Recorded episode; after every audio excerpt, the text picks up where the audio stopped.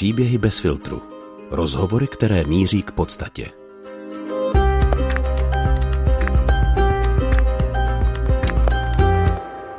Potkali jsme se těsně před koncem roku v zavřené knihovně ve Valašském Meziříčí.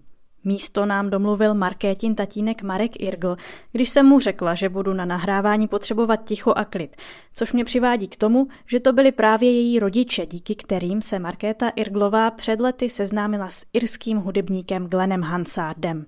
Když jí bylo 15, byla s ním poprvé na turné. Později spolu hráli hlavní role ve filmu Once, ke kterému složili hudbu. Zazněla v něm také písnička Falling Slowly, kterou americká filmová akademie ocenila Oscarem. S Markétou Irglovou si povídáme nejen o hudebních začátcích a o tom, jaké to bylo stát se v dospívání slavnou, ale taky o tom, odkud k ní přicházejí melodie písní a jaký je podle ní Bůh. Dobrý poslech vám přeje Aneška Věvjorková.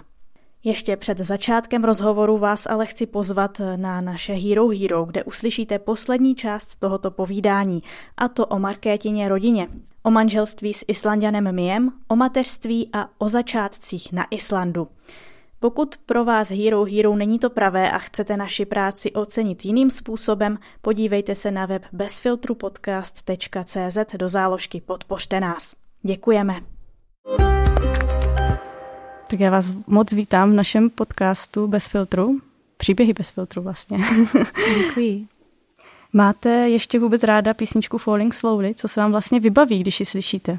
Písničku mám ráda a moc. Ráda ji zaslechnu v rádiu, i když si třeba asi nepouštím často doma, ale vždycky ji ráda slyším a připomíná mi všechno, co jsme s tou písničkou zažili vlastně od počátku napsání té písně. No, hlavně ten vrchol té, té cesty z písní, což byly Oscaři a, a všechny ty příběhy taky, co mi řekli lidé, jak poutají tu, vlastně ten svůj vlastní romantický příběh nebo, nebo životní příběh s tou písní a s tím filmem a s příběhem, takže mám tak jako, ta píseň pro mě reprezentuje vlastně nějaké, nějaký typ spojení mezi mnou a Glenem a vlastně všemi těmi lidmi, kteří si tu píseň zamilovali. To vám takhle lidi prostě běžně na ulici řeknou, že ta písnička se mi líbila a něco pro mě znamená?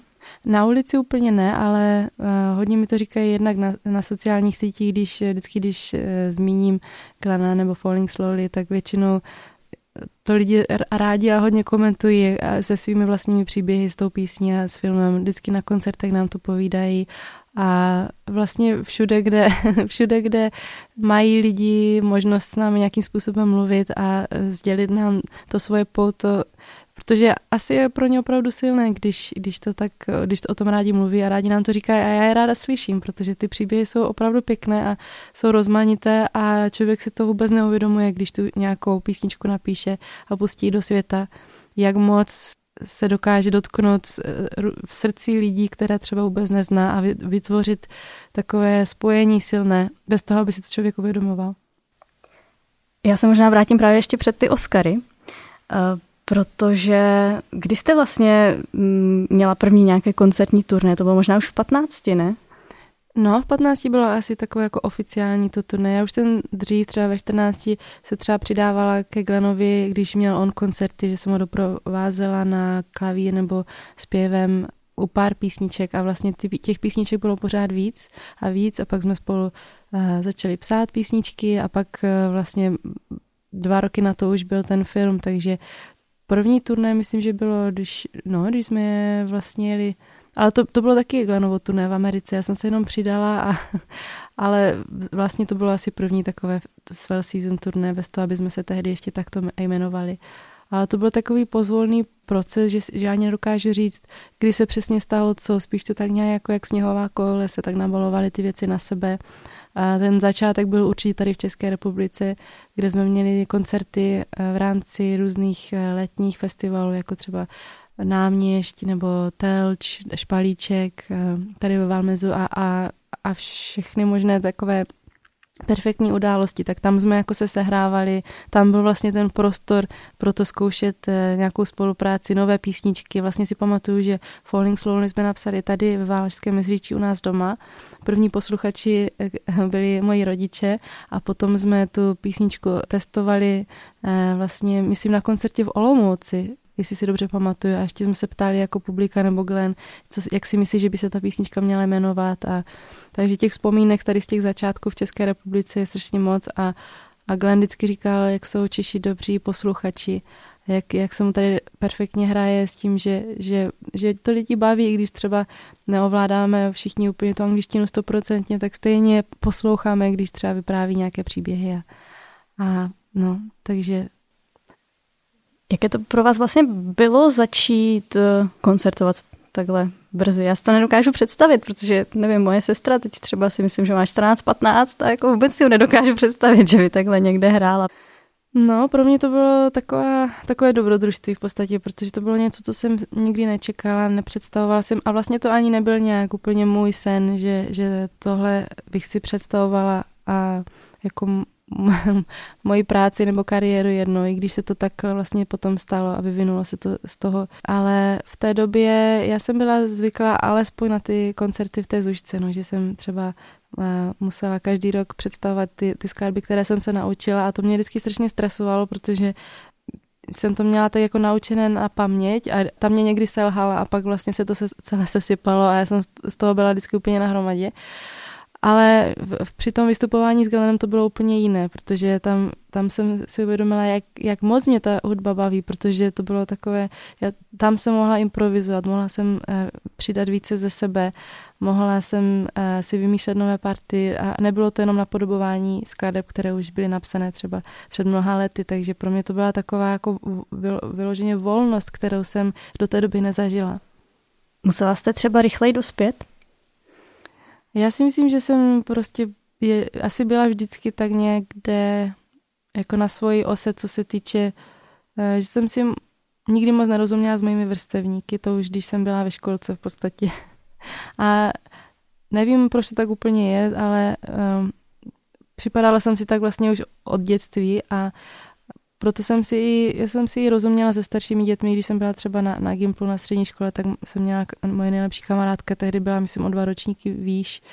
A všeobecně jsem si rozuměla, jsem si ráda povídala s dospělými lidmi, moji rodiče jsou velice společenští vždycky byli a, a znali se s různými lidmi z různých zemí a takže jsme vždycky byli zase kdo ve styku s různými kulturami, s různými, uh, vlastně často jsme byli jediné děti ve skupině dospělých, takže jsme se v tom cítili tak nějak jako normálně a vlastně nám to tak vyhovovalo, že nám to přišly ty konverzace zajímavé, zajímali jsme se a, a ale ano, určitě mě to vlastně tohle ještě více umocnilo, tady ten vlastně nějaký způsobem odstup vůbec od těch mojich spolužáků na Gimplu, protože jsem zažívala úplně jiné věci a vlastně jsem neměla jak eh, měli, jak kdyby jsme žili v jiném světě v podstatě. Takže asi určitě, ale to k tomu myslím, že já, já když se na to dívám zpátky, tak si myslím, že to bylo takové osudové, že to bylo tak, jak to mělo být a že i ten věk s tím souvisel, že, že tak, jak se to vyvinulo v těch letech a tak, jak to potom jak to změnilo vlastně můj život a moji budoucnost, to všechno asi bylo jak kdyby nachystané nějakým způsobem. Vám vlastně ještě nebylo, myslím, ani 20, když jste hrál ve filmu Once, eh, který je dneska hodně známý a v Americe je oblíbená ta muzikálová verze. Eh, to se nepodařilo žádné české zpěvačce, to co vám, že jste vlastně vyhráli eh, Oscara za tu píseň Falling Slow, nebo jste ho získali Oscara. Tak jak jste se cítila, když jste zjistila, že jste proměnili tu nominaci, když vám to dali vědět? Ano, to bylo takové, jak ve snu trošku, že člověk to moc nechápal, ale zároveň nebyl strujcem toho, takže vlastně jsem si připadala, jak kdyby jsem byl jako cestovatel a někdo jiný jako řídil. A vlastně eh, byl strujcem te, te, toho dobrodružství a, a my jsme jako se vlastně nikdo nevěděl, co se stane, jak se to vyvine. A bylo to takové vlastně celkem zrušující a pro mě bylo jediné stěžení, že eh, jsem v té době když se, už když se dělal ten film, tak já jsem si teprve dodělávala školu. Měla jsem, propagovali jsme ten film v době, kdy jsem se učila na maturitu a tak, ale potom během těch Oscarů už jsem to vlastně měla za sebou, te, tu školu a měla jsem, to byla taková jako volnost, že jsem vůbec nevěděla, jak ta moje budoucnost se bude vyvíjet a bylo to velice zajímavé. Vy už jste to trošku možná nakousla, ale co, co teda následovalo? Vy jste pak asi koncertovali v Americe, tak jaké to je být takhle slavná vlastně v Americe. Jo? Tady mnozí lidi si říkají, kež bychom byli slavní aspoň v Česku a, A o tom, že by byli slavní v nějaké jiné zemi, o tom se jim ani nesní. Tak jak je to pro vás bylo?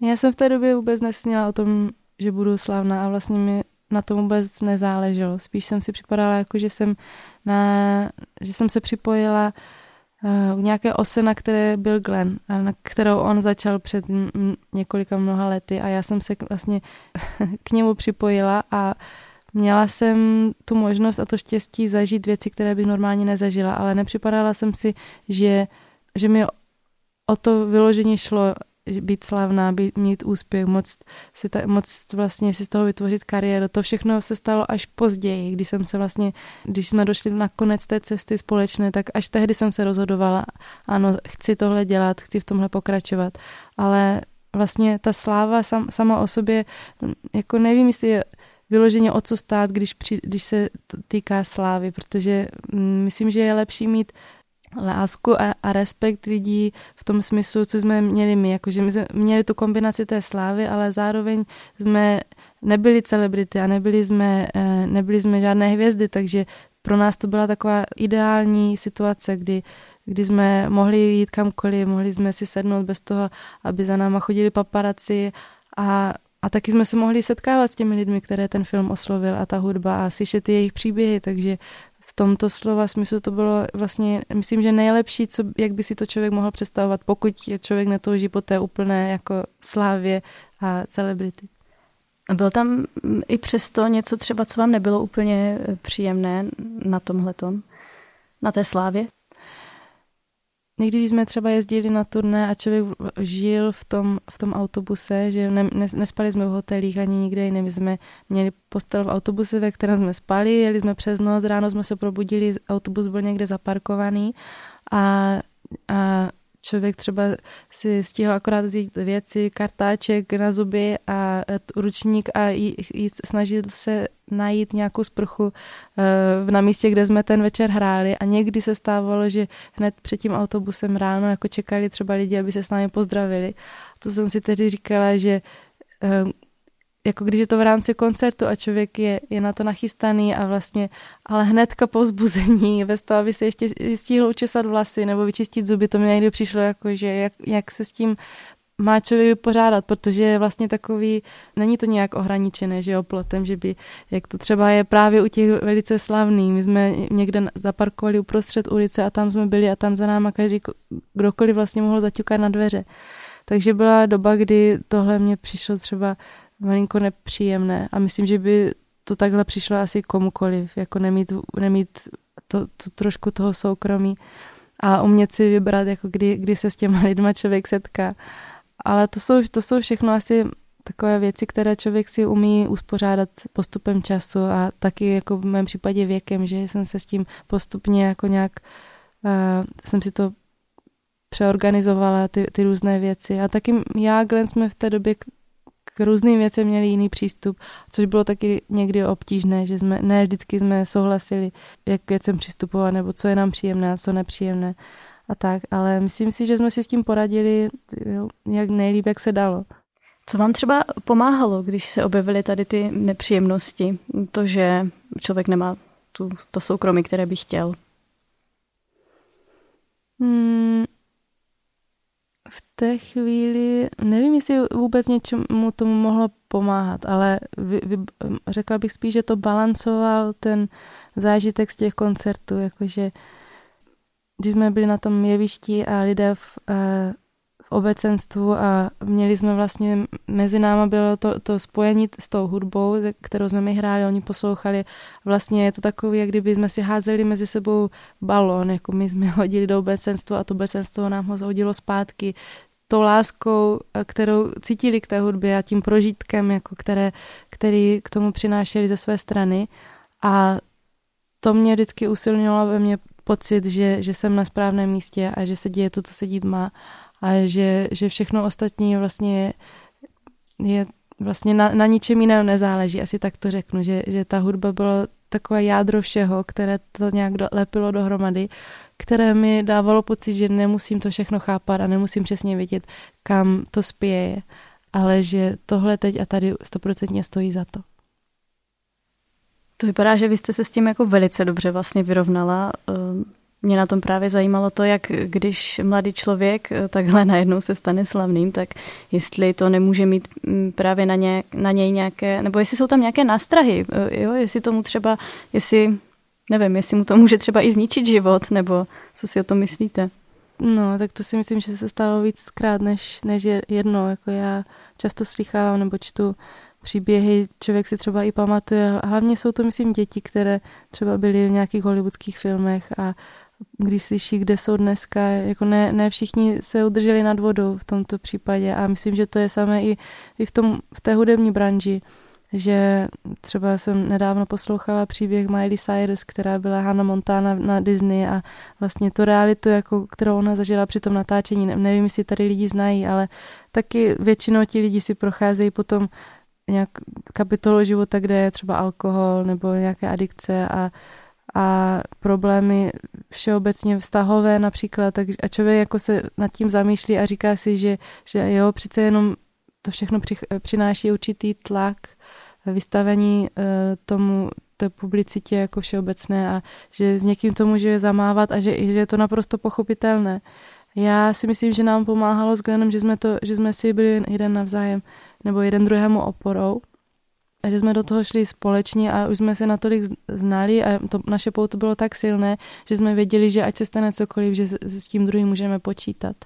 A tím pádem eh, jsme nějak eh, se necítili úplně na pospas takovým těm dravcům, kteří určitě kolem lidí krouží a poletují tady v té pozici. A já můžu, myslím, poděkovat i tomu rodinnému zázemí, které jsem měla, které mě podporovalo a, to člověku dává takovou nějakou sílu v té situaci, že se necítí, že nejen, nejen tak se nechá strhnout nějakým proudem a nebo nějakým vlivem, si myslím.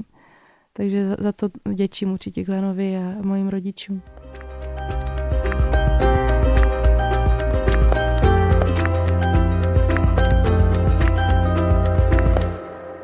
Na co jste ve svém životě nejvíc hrdá?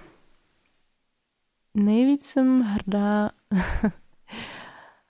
tak tady to dobrodružství s tím Glenem k tomu určitě patří. Jsem hrdá na to, že se mi dostalo ocenění toho Oscara. To je něco, to je takový splněný sen, který jsem, jsem nevyslovila, ale za který jsem vděčná, že se splnil.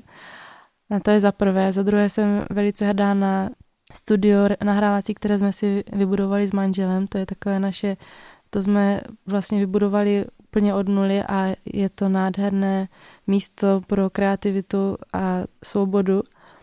A jsem hrdá na, na moje děti tři, které máme společně. To je takové, jako to bude asi vždycky to nejlepší, co jsem v životě udělala. A jsem hrdá na to, že, že nemám za co se stydět zatím. A máte přesto ještě nějaký sen, který byste si chtěla splnit? Mm, nic, co, by, co bych, co by mě teďka napadlo v podstatě, protože momentálně si připadám v životě, že mám všechno, co bych si mohla přát.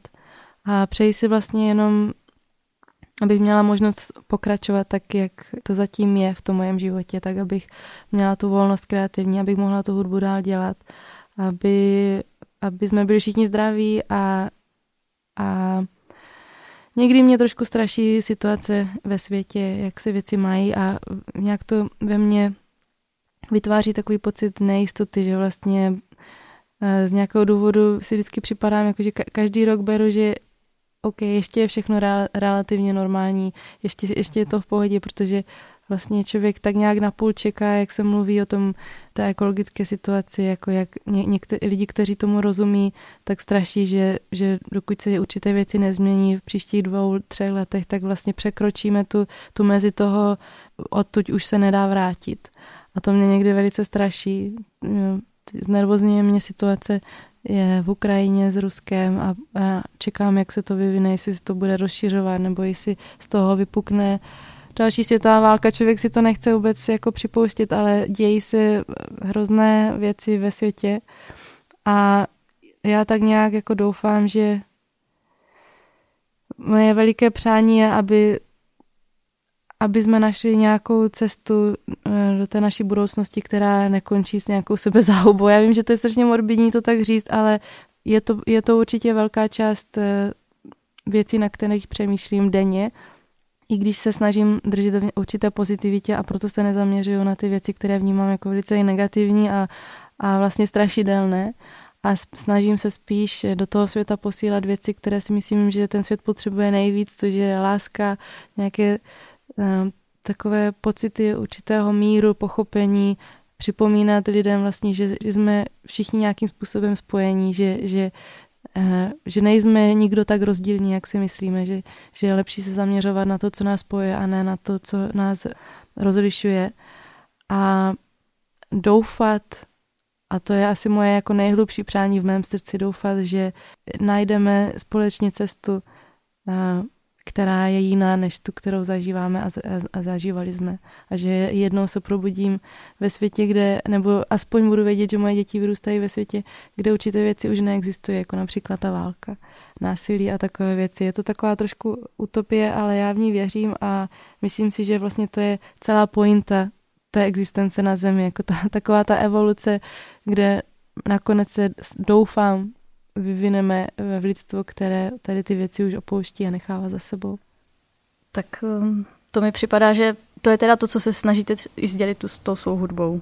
Ano, ta hudba je pro mě taková, takový nástroj, jak eh, přesně, jak umět zpracovávat ty témata, které mě zajímají. Moc třeba i dopřát lidem to, co mi dopřávají uh, určité věci, jako třeba knížky, jako pěkná literatura a a hudba, která pojednává o takových hlubších tématech. Vlastně i, i ten Bůh k tomu patří a princip uh, určité jak se, umět si seřadit ty vlastně priority naše, a, ale hlavně, hlavně ta láska, to je myslím, že moje takové poslání číslo jedna, jako umět posílat a dávat lidem tu lásku a vlastně eh, s tou pracuji úplně nejvíc v těch mojich písničkách, i, i když kontext je třeba jiný, tematika se může lišit, ale v jádru, když, jako kdyby člověk to studoval, ty moje písničky, tak v jádru je vždycky ta láska.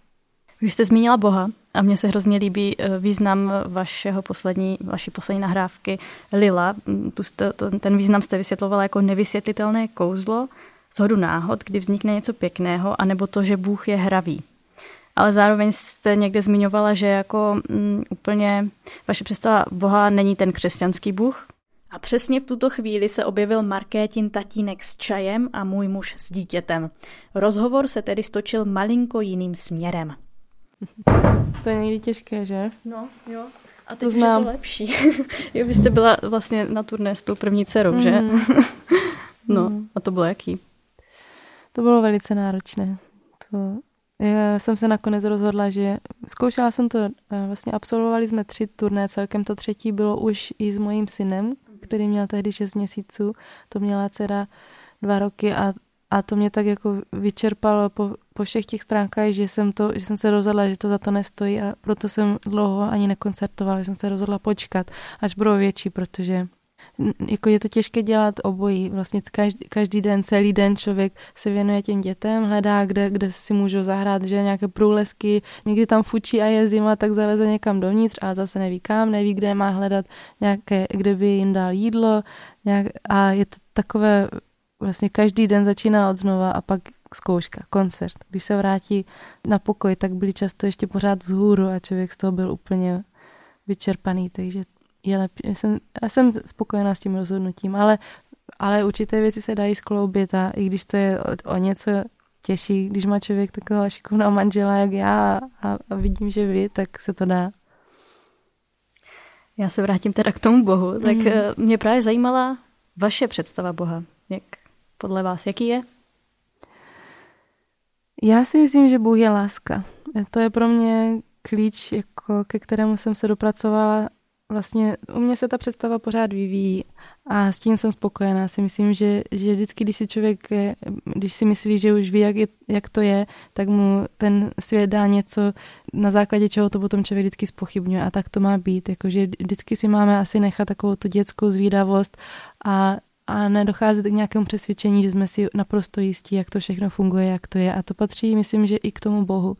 Já oceňuji křesťanský základ a myslím, že ze všech náboženství je mi to křesťanství nejbližší. A, ale spíš jako na, to, na základě toho křesťanství potom si tu představu o tom Bohu ještě rozvíjím dál a nebojím se třeba spochybňovat určité věci, a, a nebo nad nimi přemýšlet a, a ptát sam, se sama sebe, jestli by to mohlo být ještě jinak, nebo jestli je to tak, ale ještě to má vlastně další vrstvu, kterou se nám nepodařilo ještě nějak eh, si k ní dostat.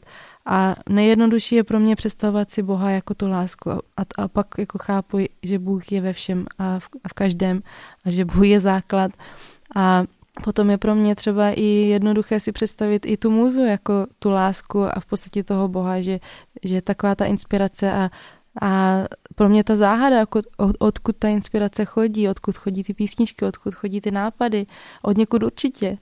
A takže i tohle pro mě může být vlastně energie, která chodí od nějakého jiného světa a já když řeknu, že třeba nejsem, nejsem křesťan, tak to není úplně tak. Spíš je to tak, že jsem nebyla vychována jako katolík, ale to křesťanství mám od jak živa ráda. Já jsem si to vlastně našla sama pro sebe, protože jsem ve čtyřech letech viděla muzikál Ježíš Kristus Superstar a to pro mě bylo první nějaké um, setkání s tím příběhem jako Ježíše Krista. A mně to, se to strašně líbilo a strašně se mi líbil Ježíš a Máří Magdalena a všechny ty postavy a jako určitě mi to přiblížila hlavně ta hudba, ale pro mě ten příběh má od jak živa strašnou fascinaci a strašně ráda se tomu věnuju. Eh, k Bibli mám jako daleko, protože mi ten jazyk eh, nechápu ten jazyk, kterým je to napsané, že často se v tom úplně ztrácím. Ale všechno, co mi dokáže přiblížit vlastně tu historii a tak mě fascinuje a tu fascinaci asi sdílí i se mnou můj tatínek, který začal studovat teologii před několika lety. A myslím, že dokonce v době covidu, kdy, kdy každý měl trošku více času na určité věci a baví mě strašně se s ním o tom bavit a dozvídat se věci, které bych si sama asi nenačetla. Ale stoprocentně je pro mě Bůh velice fascinující téma. A, a věří mě, i když, i když eh, bych nikomu nemohla popsat, jak, jak si Boha představuju, spíš, jak si ho asi nepředstavuju. Mně přišlo právě krásný, když jste říkala v rozhovoru pro aktuálně, že není těžké vymyslet písničku, ale že vidíte rozdíl mezi tím, když uh, něco děláte nebo děláte na té písničce a ten Bůh v tom není a naopak. Mm-hmm. Jak to poznáte, že v tom ten Bůh je? Nebo jak je to pro vás pocit? Mm, asi podobný, aby, jako dá se to přirovnat v, pro mě jedině k, k těm dětem. Jakože takový ten pocit, který jsem třeba měla, než jsem ty děti měla, že vlastně těs, že jsem jak kdyby je cítila, než přišli. Po, po každé. A ty děti mám tři a prostě takže třikrát, pod, když už se to stalo po třetí, tak už jsem si říkala, já už vím, co tohle je. Po, poprvé určitě ne. Ale takový ten pocit, že jak kdyby kolem mě byla určitá energie, kterou jsem neznala, neviděla jsem, čemu ji mám jako přiřadit. A potom jsem pochopila, že, že to byla vlastně asi duše těch mojich dětí, která vlastně se kolem mě nějakým způsobem pohybovala ještě předtím, než jsem třeba s nimi otěhotněla. A ten pocit takového toho, že člověk má v sobě něco, které nepochází ze mě a vlastně ani není moje, ale prochází spíš tak nějak mnou. A to je takový specifický pocit, jako který mě vždycky jak kdyby povznese někam nahoru, že se dostávám do určitého rozpoložení, eh, takové jak kdyby takové, takového štěstí a radosti a a jak kdybych, eh, jak když třeba si stahujete nějaký soubor v, v počítači, prostě. To je takové stahování určitých dat od někud jinam a přes moje si to a, zkušeností, názoru, nějakých, jak, jak já vidím svět a život, ale ta energie samotná jde od někud jiná. A to já už ji teďka v této chvíli poznám a, a umím s ním, s tou energií pracovat daleko lépe, než třeba na začátku, když jsem teprve začínala. A vlastně se v tom pořád zlepšuji a, a říkám si, že můj největší úkol je e, stávat se čím nejčistším sítem pro tady tu energii, abych jako vlastně co nejméně zabarvovala, spíš jako abych ji mohla, uměla prostě pustit taková, jaká ona je, tak, tak, jak ona, tak přesně tak, jak přijde. Je, nevím, jestli to není jako hloupě formulovaná otázka, ale dá se toho nějak dosáhnout, že se na tu energii člověk naladí? Nebo že Jo, že když je ten rozdíl, když tam ten Bůh není a když tam je, tak jestli jste se naučila třeba nějak se na něho vyladit, aby tam teda byl, když tvoříte. Určitě jsou, si myslím, věci, které člověk může pro to udělat. Já mám třeba takové jednoduché, to se, dalo by se říct, že to v podstatě je takový osobní rituál, že takového nějakého umět se uzemnit a umět jako být plně teď a tady. A já si to jsem se naučila, myslím už, nevím, jak to je dlouho, ale už, už to mám dlouho, jakože takový svůj rituál, který dělám vlastně i před koncertem, někdy před rozhovorem, a což je vlastně říct to svoje jméno, já jsem svoje jméno, já jsem mé srdce. A to je v podstatě všechno. Že člověk se, protože člověk může být buď eh, že máme více těch rovin jako člověk. Buď, buď můžeme být v našich myšlenkách a analyzovat a řešit, anebo můžeme být v srdci, kde, kde je vlastně všechno láska a není třeba analyzovat, protože není třeba kritizovat, není třeba nic, protože všechno je láska. A to je moje oblíbené místo sama v sobě, to srdce. A tam já se potřebuju dostat předtím, než, než vlastně můžu cokoliv nějakým způsobem takhle stáhnout a, a naladit se, takže to je pro mě krok číslo jedna. A potom vytvořit si, vytvořit si místo, které je v podstatě nějakým způsobem šité nebo e, dělané přesně na, na tohle, že my jsme si tím vytvořením toho studia, místo, kde mám ten klavír, já tam mám u toho e, svíčku, mám tam, je to prostě moje taková mm, takové, jak kdyby posvátné trošku místečko, jakože, které já mám ráda, ke, kam se vracím, ale je to místo určené přesně k tady tomu účelu a to si myslím, že taky pomáhá, že třeba kdybych měla ten klavír doma a snažila se k němu sedat e, mezi e, skládáním prádla a vařením večeře, tak e, nevím, jestli by se mi to tak dobře podařilo. ale v tom studiu tam se dokážu, já, já tam přijdu ráno a jsem prostě schopná se do toho velice rychle dostat. A taky si myslím, že, že je velice důležité umět, eh, já vždycky děkuji za ty písničky, že, že vždycky nikdy nezapomínám na to, že, že od někud přišli a někdo mi je jak kdyby daroval a, a pak za ně děkuju. A, a snažím se jim co nejvíc sloužit, jak to, jak to jen jde a vlastně vytvořit je v tom duchu, kterém oni chtěli eh, se prezentovat tomu světu. Jak kdyby měli svoji vlastní inteligenci v tomto smyslu, že prostě chtějí nějaké být a já se jim snažím jenom naslouchat. A vlastně myslím, že mít, přistupovat k tady tomu procesu s určitou pokorou mi potom umožňuje uh, vlastně vděk je vždycky klíčem ke všemu, že když člověk děkuje i za ty věci, které ještě nemá, tak je větší pravděpodobnost, že se k němu dostanou, než když člověk myslí spíš na, ten, na to, že mu chybí.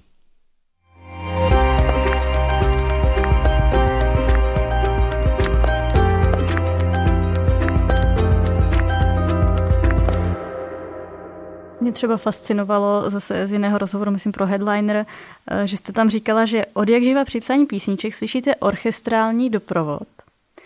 A zároveň v tom stejném rozhovoru jste řekla, eh, že jste si vlastně říkala, že to, co přinášíte ke Glenově hudbě, by mohla přinést jakákoliv jiná holka tak jsem se musela až smát, že jsem si říkala, já, já prostě neslyším ani písničku, ani orchestrální doprovod.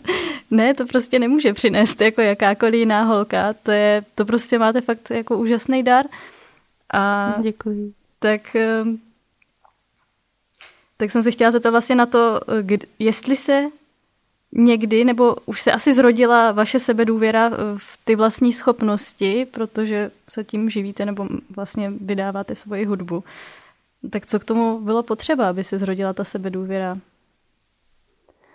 Asi čas a, a ty, ty písničky, které jsem v té době napsala, že mi vlastně je to ta tvorba a potom nejvíce vlastně v tom hraje roli i odezva lidí, kteří reagují na tu tvorbu, která ve mně nějak uh, utvrzuje ten pocit, že, že ano, že za něco to stojí, že v tom mám pokračovat, že ta cesta toho, té kreativity, si myslím, že a věk, taky věk a zkušenosti, to všechno v tom hraje roli. Jako dřív, uh, když jsem začínala, tak myslím, že moje priorita číslo jedna se bylo jako nějakým způsobem přiblížit té tvorbě a ve, ve všem ostatním tomu Glenovi, protože to byl pro mě mentor, byl to pro mě uh, něko, někdo, ke, komu jsem velice zhlížela. A krok číslo jedna bylo se mu nějakým způsobem přiblížit, nechci říct vyrovnat, ale aspoň se, aspoň se k tomu přiblížit. A postupem času jsem si uvědomila, že o tom to asi úplně není, jako se mu přiblížovat anebo vyrovnávat. Spíš se přiblížit mě samotné a jako přijít na to, co je to, co on viděl ve mně. A na, umět to v sobě najít, protože on určitě viděl něco, co já jsem v té době vůbec nebyla schopná vidět a neuvědomovala jsem si. A trvalo mi to nějakou dobu to v sobě najít a vlastně se s tím seznámit. A když se tohle stalo, tak se ve mně zbudila asi větší schopnost si věřit a, a následovat ty svoje instinkty a intuice a, a vědět, že, že to za to stojí. Co si myslíte, že on tehdy viděl? Asi viděl to, že nejsem jako každá jiná holka, jak jsem si to myslela já, jako že, že viděl, protože si myslím, že on, on asi často si zval uh, různé lidi na, na, k sobě na jeviště, že v mém případě tohle samotné, jak mě pozval ve Valmezu, nebylo úplně nějaký ojedinělý objev, spíš naopak. Ale asi cítil, že když jsme spolu byli na tom jevišti, že tam bylo něco víc, a to už třeba cítím, samozřejmě i já v dnešní době si to uvědomuji více než tehdy, když jsme třeba spolu dělali koncerty v březnu minulý, no vlastně tohoto roku, tak jsem cítila, že ano, je tam hudba, je tam člověk, je, je to takové příjemné na poslech, ty tóny, které vytváříme spolu, je, tak jak sobě, k sobě pasují ty hlasy, ale je tam ještě něco navíc, je to nějak, určitý, určitý pocit. A e, často si říkám, jestli je to takové nějaké splynutí prostě toho mužského a ženského principu, že takové té harmonie, protože v našem případě se perfektně doplňujeme po této stránce a, a vzniká prostě určitý, určitý pocit harmonie a věci dávají prostě smysl, když jsme spolu na jevišti a je to takové, nedá se to úplně popsat, je to spíš pocitová záležitost. A to si myslím, že asi cítil, protože přece jenom tehdy, když jsme se potkali, tak jemu bylo o něco méně, než mě je teď. A jako z, té, z toho úhlu pohledu už to teďka chápu. Já už třeba taky jsem schopná eh, cítit nebo si načíst věci, které jsem neměla kapacitu, pro které jsem neměla kapacitu jako 15-letá holka, ale dneska prostě máme určité cítíme věci, které jsou, nejsou úplně viditelné, ale jsou, jsou tam pocitově a těm v dnešní době více důvěřuju, než, než jsem byla třeba schopná dříve tak asi tak. A taky musela asi cítit, že už se, že už se známe. Já věřím na minulé životy a myslím, že s Glenem jsme určitě měli alespoň jeden minulý život. A, a to je třeba například toho, proč, eh, jak jste říkala, že, že nejsem úplně křesťan, nebo, tak to je třeba jeden z důvodů, které já spochybnuju, ty minulé životy, pro, o kterých jsem si naprosto jistá, že existují. Protože si mně přijde že někdy, že, že potkávám lidi, které prostě znám, už které se znala dřív a mm, věřím, že, že jo, asi je nebe a peklo, ale že jak člověk umře, že se sem vrátí. Já mám poslední otázku, kterou jsme byli zvyklí dávat hostům celkem pravidelně. A myslím si, že u vás se jako vlastně hodí hodně, protože my jsme se již vždycky ptali, co by poradili svému 20-letému já, kdyby mu mohli něco poradit. Možná bych si řekla, abych nikam nespěchala. Že všechno přijde ve správném čase. Moc děkuji za rozhovor. Já vám taky. Poslední část rozhovoru s Markétou Irglovou si můžete poslechnout na Hero Hero. Povídali jsme si ještě o tom, co se jí líbí na jejím manželovi, v čem je jejich vztah netypický a jak se jí žilo na Islandu s malými dětmi daleko od vlastní rodiny. Uslyšíte, čemu se Islandiané často vyhýbají, co by jednou chtěla předat své dceři a na co by podle ní neměli zapomínat všichni prarodiče. Jak se dostat k našemu profilu na Hero Hero? Odkaz najdete na webu bezfiltrupodcast.cz v sekci Podpořte nás. Tento díl by nevznikl bez pomoci Bětky Havlové, Hanky Kašpárkové a Tondy Kánského. Speciální poděkování patří Marku Irglovi, Miovi Sorisonovi, Ondřej Věvjorkovi a Městské knihovně Valašské Meziříčí. Loučí se a pěkné dny přeje Aneška Věvjorková.